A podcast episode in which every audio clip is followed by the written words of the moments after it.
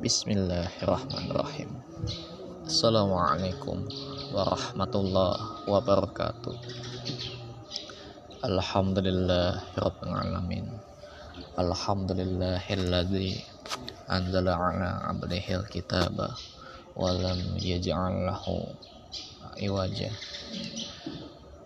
Segala puji bagi Allah Subhanahu wa taala yang telah menguatkan kita dengan nikmat iman Islam. Sehingga alhamdulillah dengan izin Allah Subhanahu wa taala kita dimampukan untuk bisa menjalankan sholat subuh berjamaah pada hari ini. Dan Allah pertemukan kita kembali dalam taklim subuh rutin. Insya Allah semoga kita semua senantiasa istiqomah mengerjakan perintah Allah dan menjauhi larangannya. Dan salawat serta salam semoga tercurah kepada junjungan Nabi besar kita yakni Nabi Muhammad Sallallahu Alaihi Wasallam beserta para keluarganya, para sahabatnya, dan orang-orang yang senantiasa berjalan istiqamah di bawah naungan sunnah Nabi Muhammad Wasallam hingga akhir hayatnya.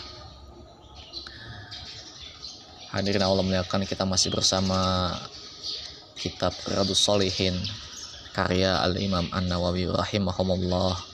Semoga Allah merahmati beliau, keluarga beliau, orang tua beliau, guru-guru beliau, murid-murid beliau, orang-orang yang beliau cintai dan juga seluruh kaum muslimin di mana pun berada. Hari ini kita akan masuk ke episode ke-8 dan lebih tepatnya kita akan masuk hadis yang baru hadis masih dari Aisyah radhiyallahu anha. Beliau berkata, Nabi Muhammad sallallahu alaihi wasallam bersabda, "La hijrat la hijrata ba'dal fath." Tidak ada hijrah setelah Fathu Mekah. Tidak ada hijrah setelah pembukaan Mekah walakin jihadun wan niat akan tetapi yang ada adalah jihad dan niat waizastan firtum waizastun firtum fanfiru. Dan jika kalian diminta berangkat maka berangkatlah. Hadisnya mutafakun alai berarti hadis ini diriwayatkan di dua kitab sahih yakni Sahih Bukhari dan Sahih Muslim. Maksud diminta berangkat itu adalah diminta berangkat untuk berjihad dan semacamnya. Nanti insya Allah kita jelaskan apa itu hijrah gitu ya. Karena di sini penekanannya konteks dari hadis ini adalah Artinya, tidak ada lagi hijrah dari Mekah karena Mekah telah menjadi Darul Islam. Darul itu negeri maksudnya. Sudah menjadi negeri Islam. Setelah sebelumnya Mekah dikuasai oleh kesyirikan sehingga disebut Darul Syirki. Lalu setelah terjadi Fatu Mekah, maka Mekah berubah menjadi Darul Islam. Ini konteksnya berbicara tentang masa mereka. Tentu saja di masa Nabi Muhammad SAW dan para sahabat kembali dari Madinah menuju Mekah untuk menaklukkan Mekah, untuk membebaskan Mekah.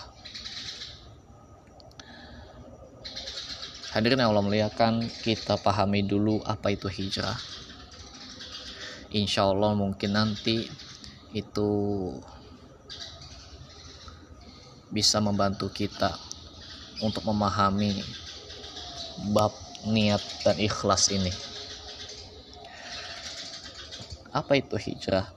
Sehingga konteks hadis tadi adalah tidak ada lagi hijrah setelah Mekah setelah Fatu Mekah. Kenapa gitu ya? Apa yang dimaksud hijrah di sini? Hadirin yang Allah muliakan, mari kita membuka situs muslim.or.id tentang apa itu tentang apa itu hijrah.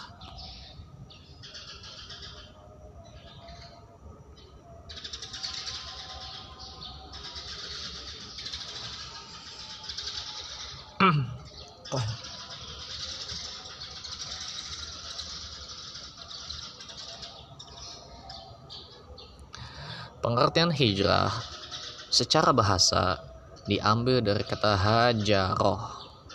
Ha ja ro atau di sini dituliskannya al hajaroh yang artinya meninggalkan.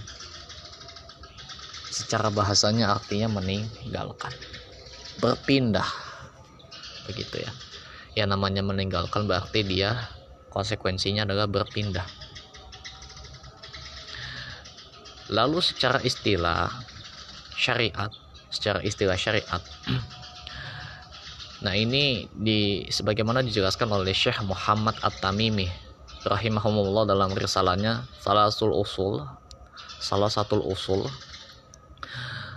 wal hijratu al intiqalu min baladi syirki ila baladil islam hijrah itu adalah berpindah dari negeri syirik menuju negeri Islam. Ini jelaskan dalam syarah Al-Usul Salasa li Syekh Ibn Usaimin. Apa penyebab pengertian ini muncul?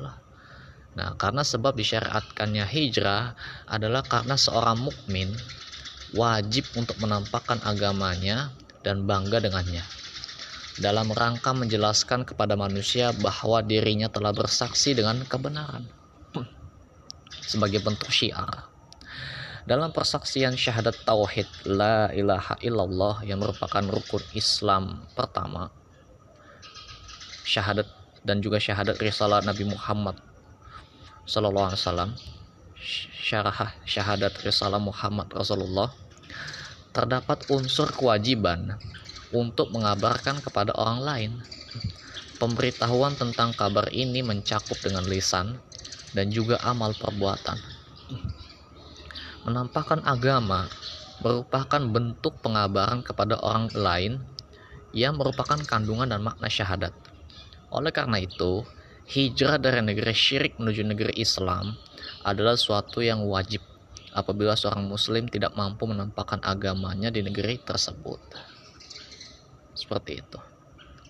Makanya itu sebabnya mengapa Rasulullah SAW dan para sahabat diperintah oleh Allah untuk berhijrah ke Madinah sebelumnya ada di Mekah. Karena sulit bagi mereka untuk menampakkan agama mereka secara utuh sementara di sekelilingnya adalah kaum musyrikin. Yang tentunya kalau kita lihat lagi sejarahnya para sahabat itu kan sebetulnya terpencar-pencar terpencar-pencar dalam berbagai keluarga. Dan sebagian besar keluarganya ini belum mau memeluk Islam. Sehingga sangat sulit bagi mereka untuk menjalankan agama ini secara penuh, secara totalitas, termasuk juga mengamalkan rukun syahadat la ilaha illallah Muhammad Rasulullah ini. Begitu karena di situ di syahadat itu ada konsekuensi loyalitas. Loyalitas hanya loyalitas kepada orang mukmin loyalitas kepada Rasulullah SAW dan tentu saja loyalitas tertinggi kepada Allah Subhanahu Wa Taala. Dan itu tidak bisa dimaksimalkan ketika di Fatuh Mekah. Karena ada banyak gangguan di sana dan gangguan ini bisa menyebabkan agama Islam ini luntur dan menghilang. Makanya kenapa Rasulullah SAW hanya diperintah oleh Allah selama 13 tahun itu untuk mendakwakan tauhid. Sebelum perintah yang lain. Sebelum perintah sholat, sebelum perintah puasa, sebelum perintah zakat, dan haji. Karena untuk menguatkan tauhid ini perjuangannya beratnya setengah mati hadirin. Tidak mudah kalau orang sekarang mungkin mau maaf langsung mengamalkan sholatnya tapi tauhidnya tidak diasah. Sehingga mereka kalaupun sholat bukan diniatkan untuk mengharap wajah Allah secara penuh. Namun karena ada iming-iming yang ingin dipuji sebagai orang soleh karena ingin diperhatikan sama calon mertua gitu ya. Karena ingin menggaik seorang doi yang mau dia nikahi dan sebangsanya. Seperti itu contoh-contoh tentang lemahnya tauhid dalam dirinya. Bahwasanya dia tidak mengagungkan Allah Subhanahu wa taala secara totalitas. Nah itu makanya perlu diperhatikan. Kalau kita tidak bisa menjalankan agama ini secara penuh maka tentu disyariatkan bagi kita untuk pindah tempat apalagi kita bukan nabi dan rasul yang nunggu perintah untuk hijrah dulu gitu. Kita bisa langsung pindah demi menguatkan agama kita. Dan ketika agama kita sudah kuat insya Allah kita bisa pergi lagi ke sah pergi lagi ke tempat terdahulu untuk mendakwakan agama Islam. Begitu. Kita lanjut kembali. Ada bentuk hijrah bentuknya ada dua. Yang pertama hijrah tempat. Kalau tadi kan secara bahasa artinya meninggalkan ya. Artinya kan kalau meninggalkan itu berpindah konsekuensinya. Nah hijrah tempat ini adalah hijrah dari negeri musyrik ke negeri Islam sebagaimana penjelasan di atas. Dan itu secara istilah syar'i. Istilah syariat dan perlu kita pahami istilah syariat ini lebih kuat kedudukannya daripada adab. Lebih kuat kedudukannya daripada adab.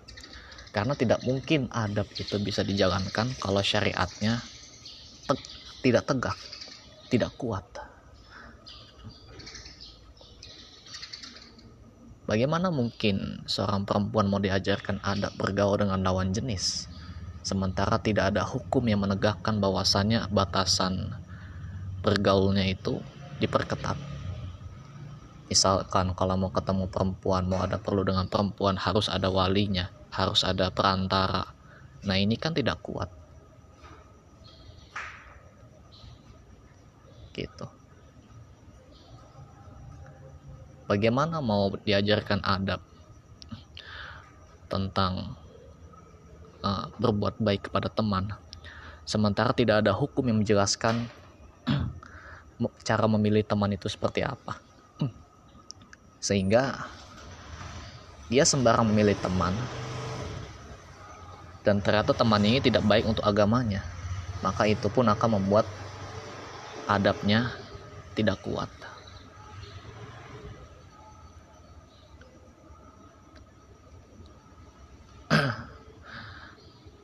Kita lanjut kembali. Hijrah tempat tadi adalah hijrah dari negeri musyrik ke negeri Islam sebagaimana penjelasan tadi nah hijrah berdasarkan tempatnya ini dibagi menjadi dua yang pertama hijrah yang umum yaitu sejak hijrah yang dilakukan dari negeri kafir ke negeri Islam.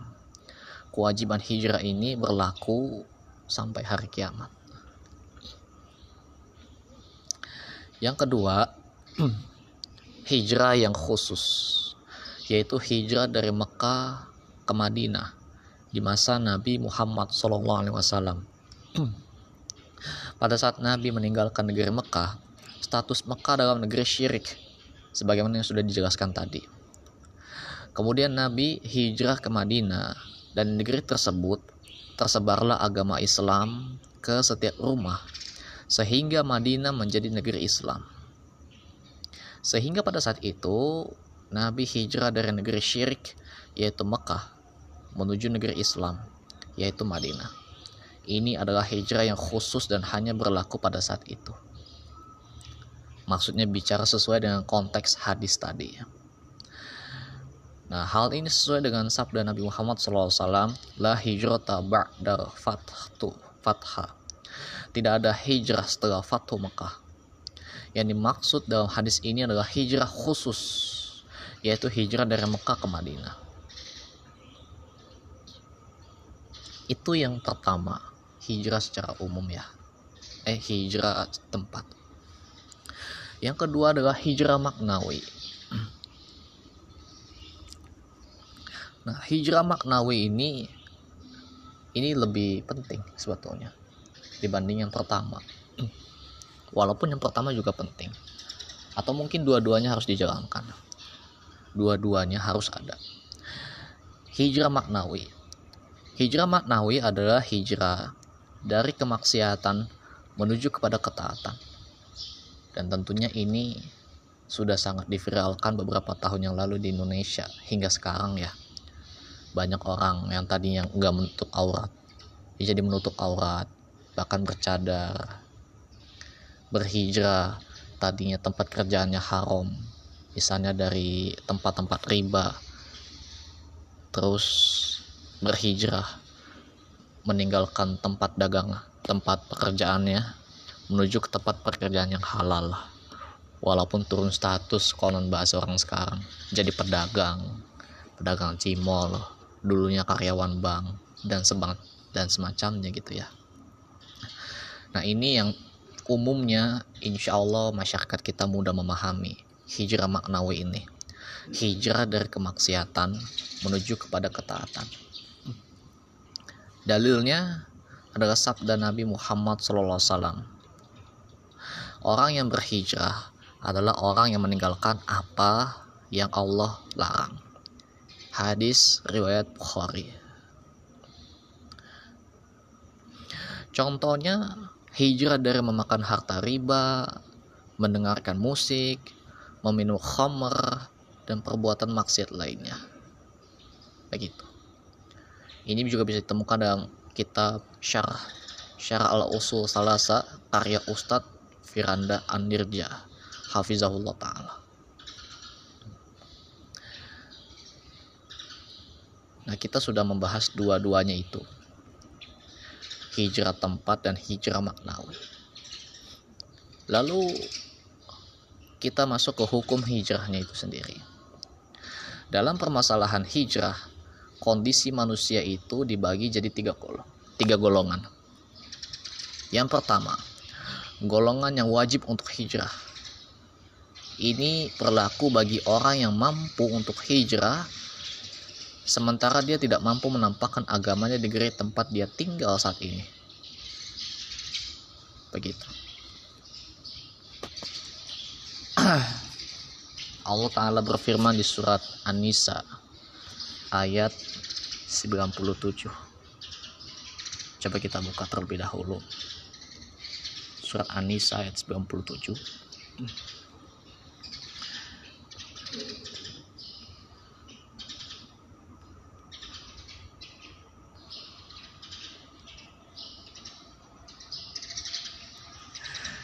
innal ladzina tawaffahumul malaikatu zalimi anfusihim qalu fihim kuntum Sesungguhnya orang-orang yang diwafatkan malaikat dalam keadaan menzolimi diri sendiri kepada mereka, malaikat bertanya, dalam keadaan bagaimana kamu ini? Qalu kunna mustab mustab afi afina fil ard mereka menjawab, kami adalah orang-orang yang tertindas di negeri Mekah ini. Nah, kalau maka para malaikat berkata, Alam takun ardullahi wasi'atan fatuhahi jiru fiha Alam takun ardullahi wasi'atan fatuhajiru fiha Bukankah bumi Allah itu luas sehingga kamu dapat berhijrah di bumi itu? Faulaika mawahum jahannam. Maka orang-orang itu tempatnya neraka jahanam wasaat maghfirah. Dan jahanam itu seburuk-buruk tempat kembali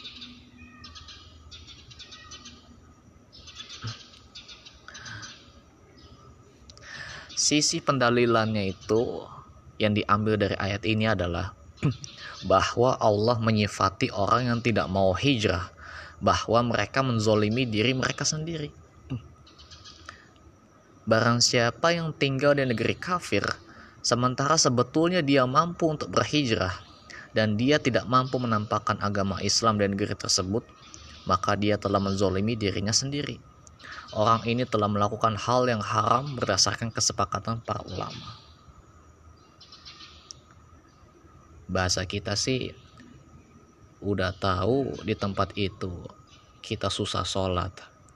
Udah tahu di tempat itu kita tidak bisa menjalankan agama kita secara sempurna. udah tahu di tempat pekerjaan kita itu bikin kita sholatnya masbuk terus udah tahu di tempat itu kita hanya dikasihnya makanan yang haram.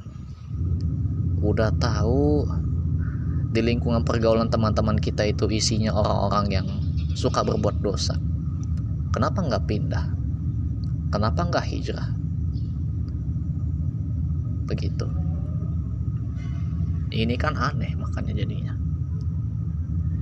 Ya atau pakai bahasa pergaulan sehari-hari lah. Kita suka dipukulin pukulin pukulin. Nah kita nggak mau dipukulin tapi diam aja di situ. Nggak mau dipukulin tapi diam aja di situ nggak mau pindah. Ya katanya nggak mau dipukulin. Kenapa diam aja? Pindahlah pergilah. Gitu. Hijrah lah. Hijrah itu kan berpindah artinya konsekuensinya. Yang namanya meninggalkan itu bukan diam saja. Pasti ada usaha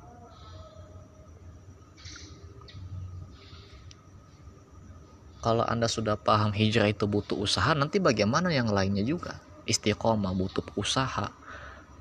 Sholat fardu tepat waktu butuh istiqomah. Butuh usaha. Seperti itu.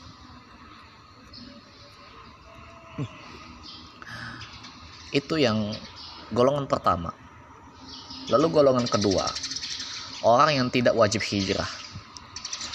Golongan ini adalah orang-orang yang memang tidak mampu hijrah baik karena sakit atau dipaksa untuk tetap tinggal sehingga tidak bisa meninggalkan tempat tersebut. Begitu juga orang-orang yang lemah seperti wanita dan anak-anak. Kalau untuk ini, iya, memang umumnya sulit. Allah Ta'ala berfirman di ayat lanjutan tadi.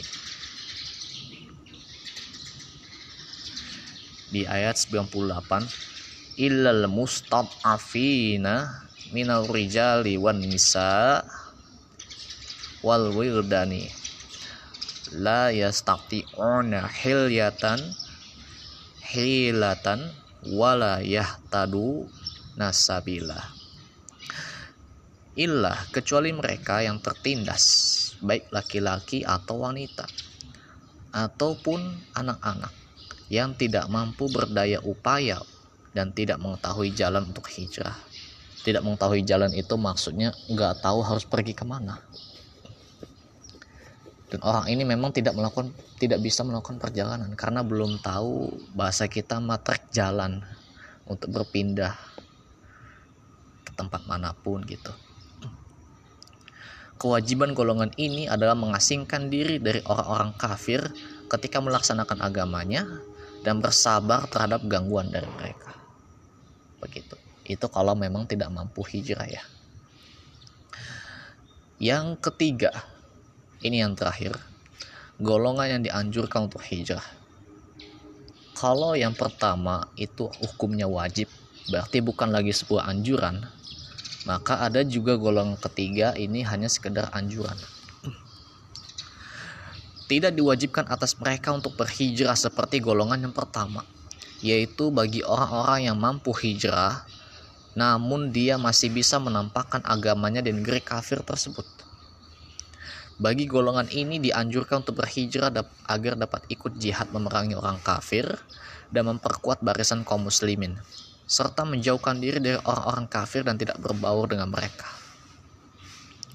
Nah, hukum di atas sangat berkaitan dengan tentang hijrah dari negeri kafir ke negeri Islam. Berarti yang di kontekskan dalam hadis tadi adalah hijrah tempat.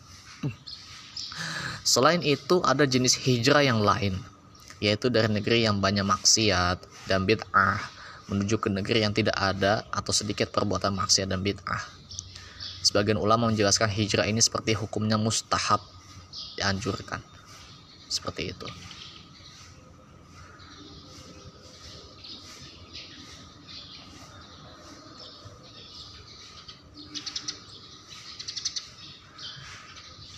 Dan sampai kapan kewajiban hijrah ini berlaku? Ya, kewajiban hijrah berlaku hingga hari kiamat. Dalil tentang kewajiban hijrah dari sunnah adalah sabda Nabi Muhammad SAW tidak terputus kewajiban hijrah sampai terputusnya taubat dan bertobat itu tidak terputus waktunya sampai terbitnya matahari dari barat.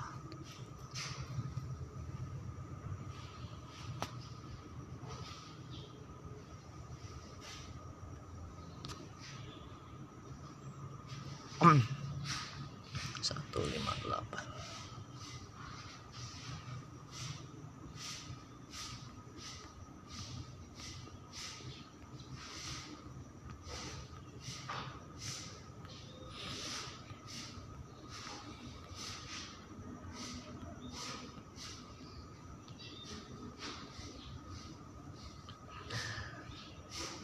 hadis tadi menunjukkan bahwa kewajiban hijrah terus berlaku sampai tegaknya hari kiamat. Selama seseorang masih diterima taubatnya, maka tetap ada kewajiban hijrah baginya. Pintu taubat tertutup ketika hari kiamat tiba. Termasuk tanda awal terjadinya kiamat adalah terbitnya matahari dari barat. Salah satu tanda besar kiamat ya. Kiamat kubro. Eh kiamat kubro ya 10 tanda besar kiamat. Jika matahari terbit dari barat maka pada saat itu taubat sudah tidak diterima. Allah berfirman di surat Al-An'am ayat 158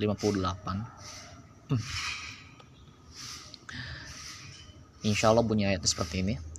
Hal yang zuruna illa anta tiyahumul malaikatu au yatiya rabbuka au yatiya ba'du ayati rabbik yang mereka nanti-nantikan tidak lain hanyalah kedatangan malaikat kepada mereka untuk mencabut nyawa mereka.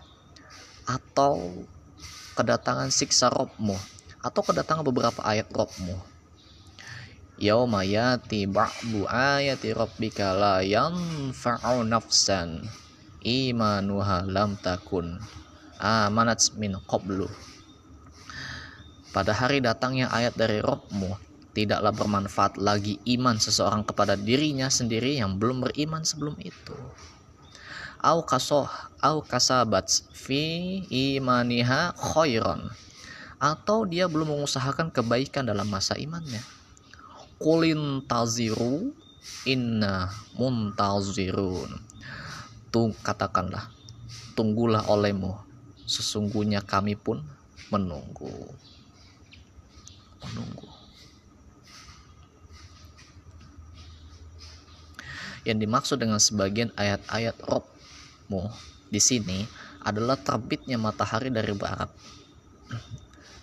Karena ayat secara bahasa artinya peringatan, gitu ya. Tanda, tanda-tanda. Hal ini menunjukkan bahwa taubat seorang hamba dapat diterima sebelum terbitnya matahari dari barat. Jika taubat masih dapat diterima, maka kewajiban hijrah tidak terputus. Alhamdulillah selesai pembahasan kita mengenai hijrah. Dan konteks yang berkaitan dengan bab satu ini dengan hadis ini adalah ketika kita ingin istiqomah untuk berhijrah ketika kita ingin mengikhlaskan niat hanya untuk mencari doa Allah Subhanahu wa taala maka salah satu faktor yang dapat menguatkan niat kita tersebut itu adalah berpindah ke negeri yang bisa menyelamatkan agama kita dari rusaknya lawan dari agama kita yaitu kesyirikan, kemaksiatan, kemunafikan, kekufuran dan sebangsanya.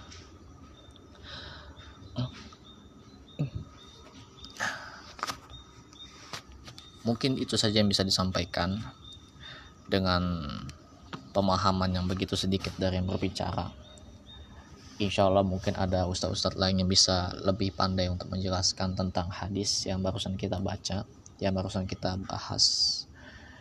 Dan masih ada banyak hadis di bab ikhlas dan menghadirkan niat ini.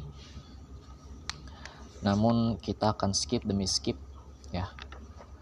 Kita akan langsung masuk ke hadis dari Abu Hurairah Abdurrahman bin Sakhar radhiyallahu anhu untuk ke depannya. Ini sebagai preview untuk episode berikutnya.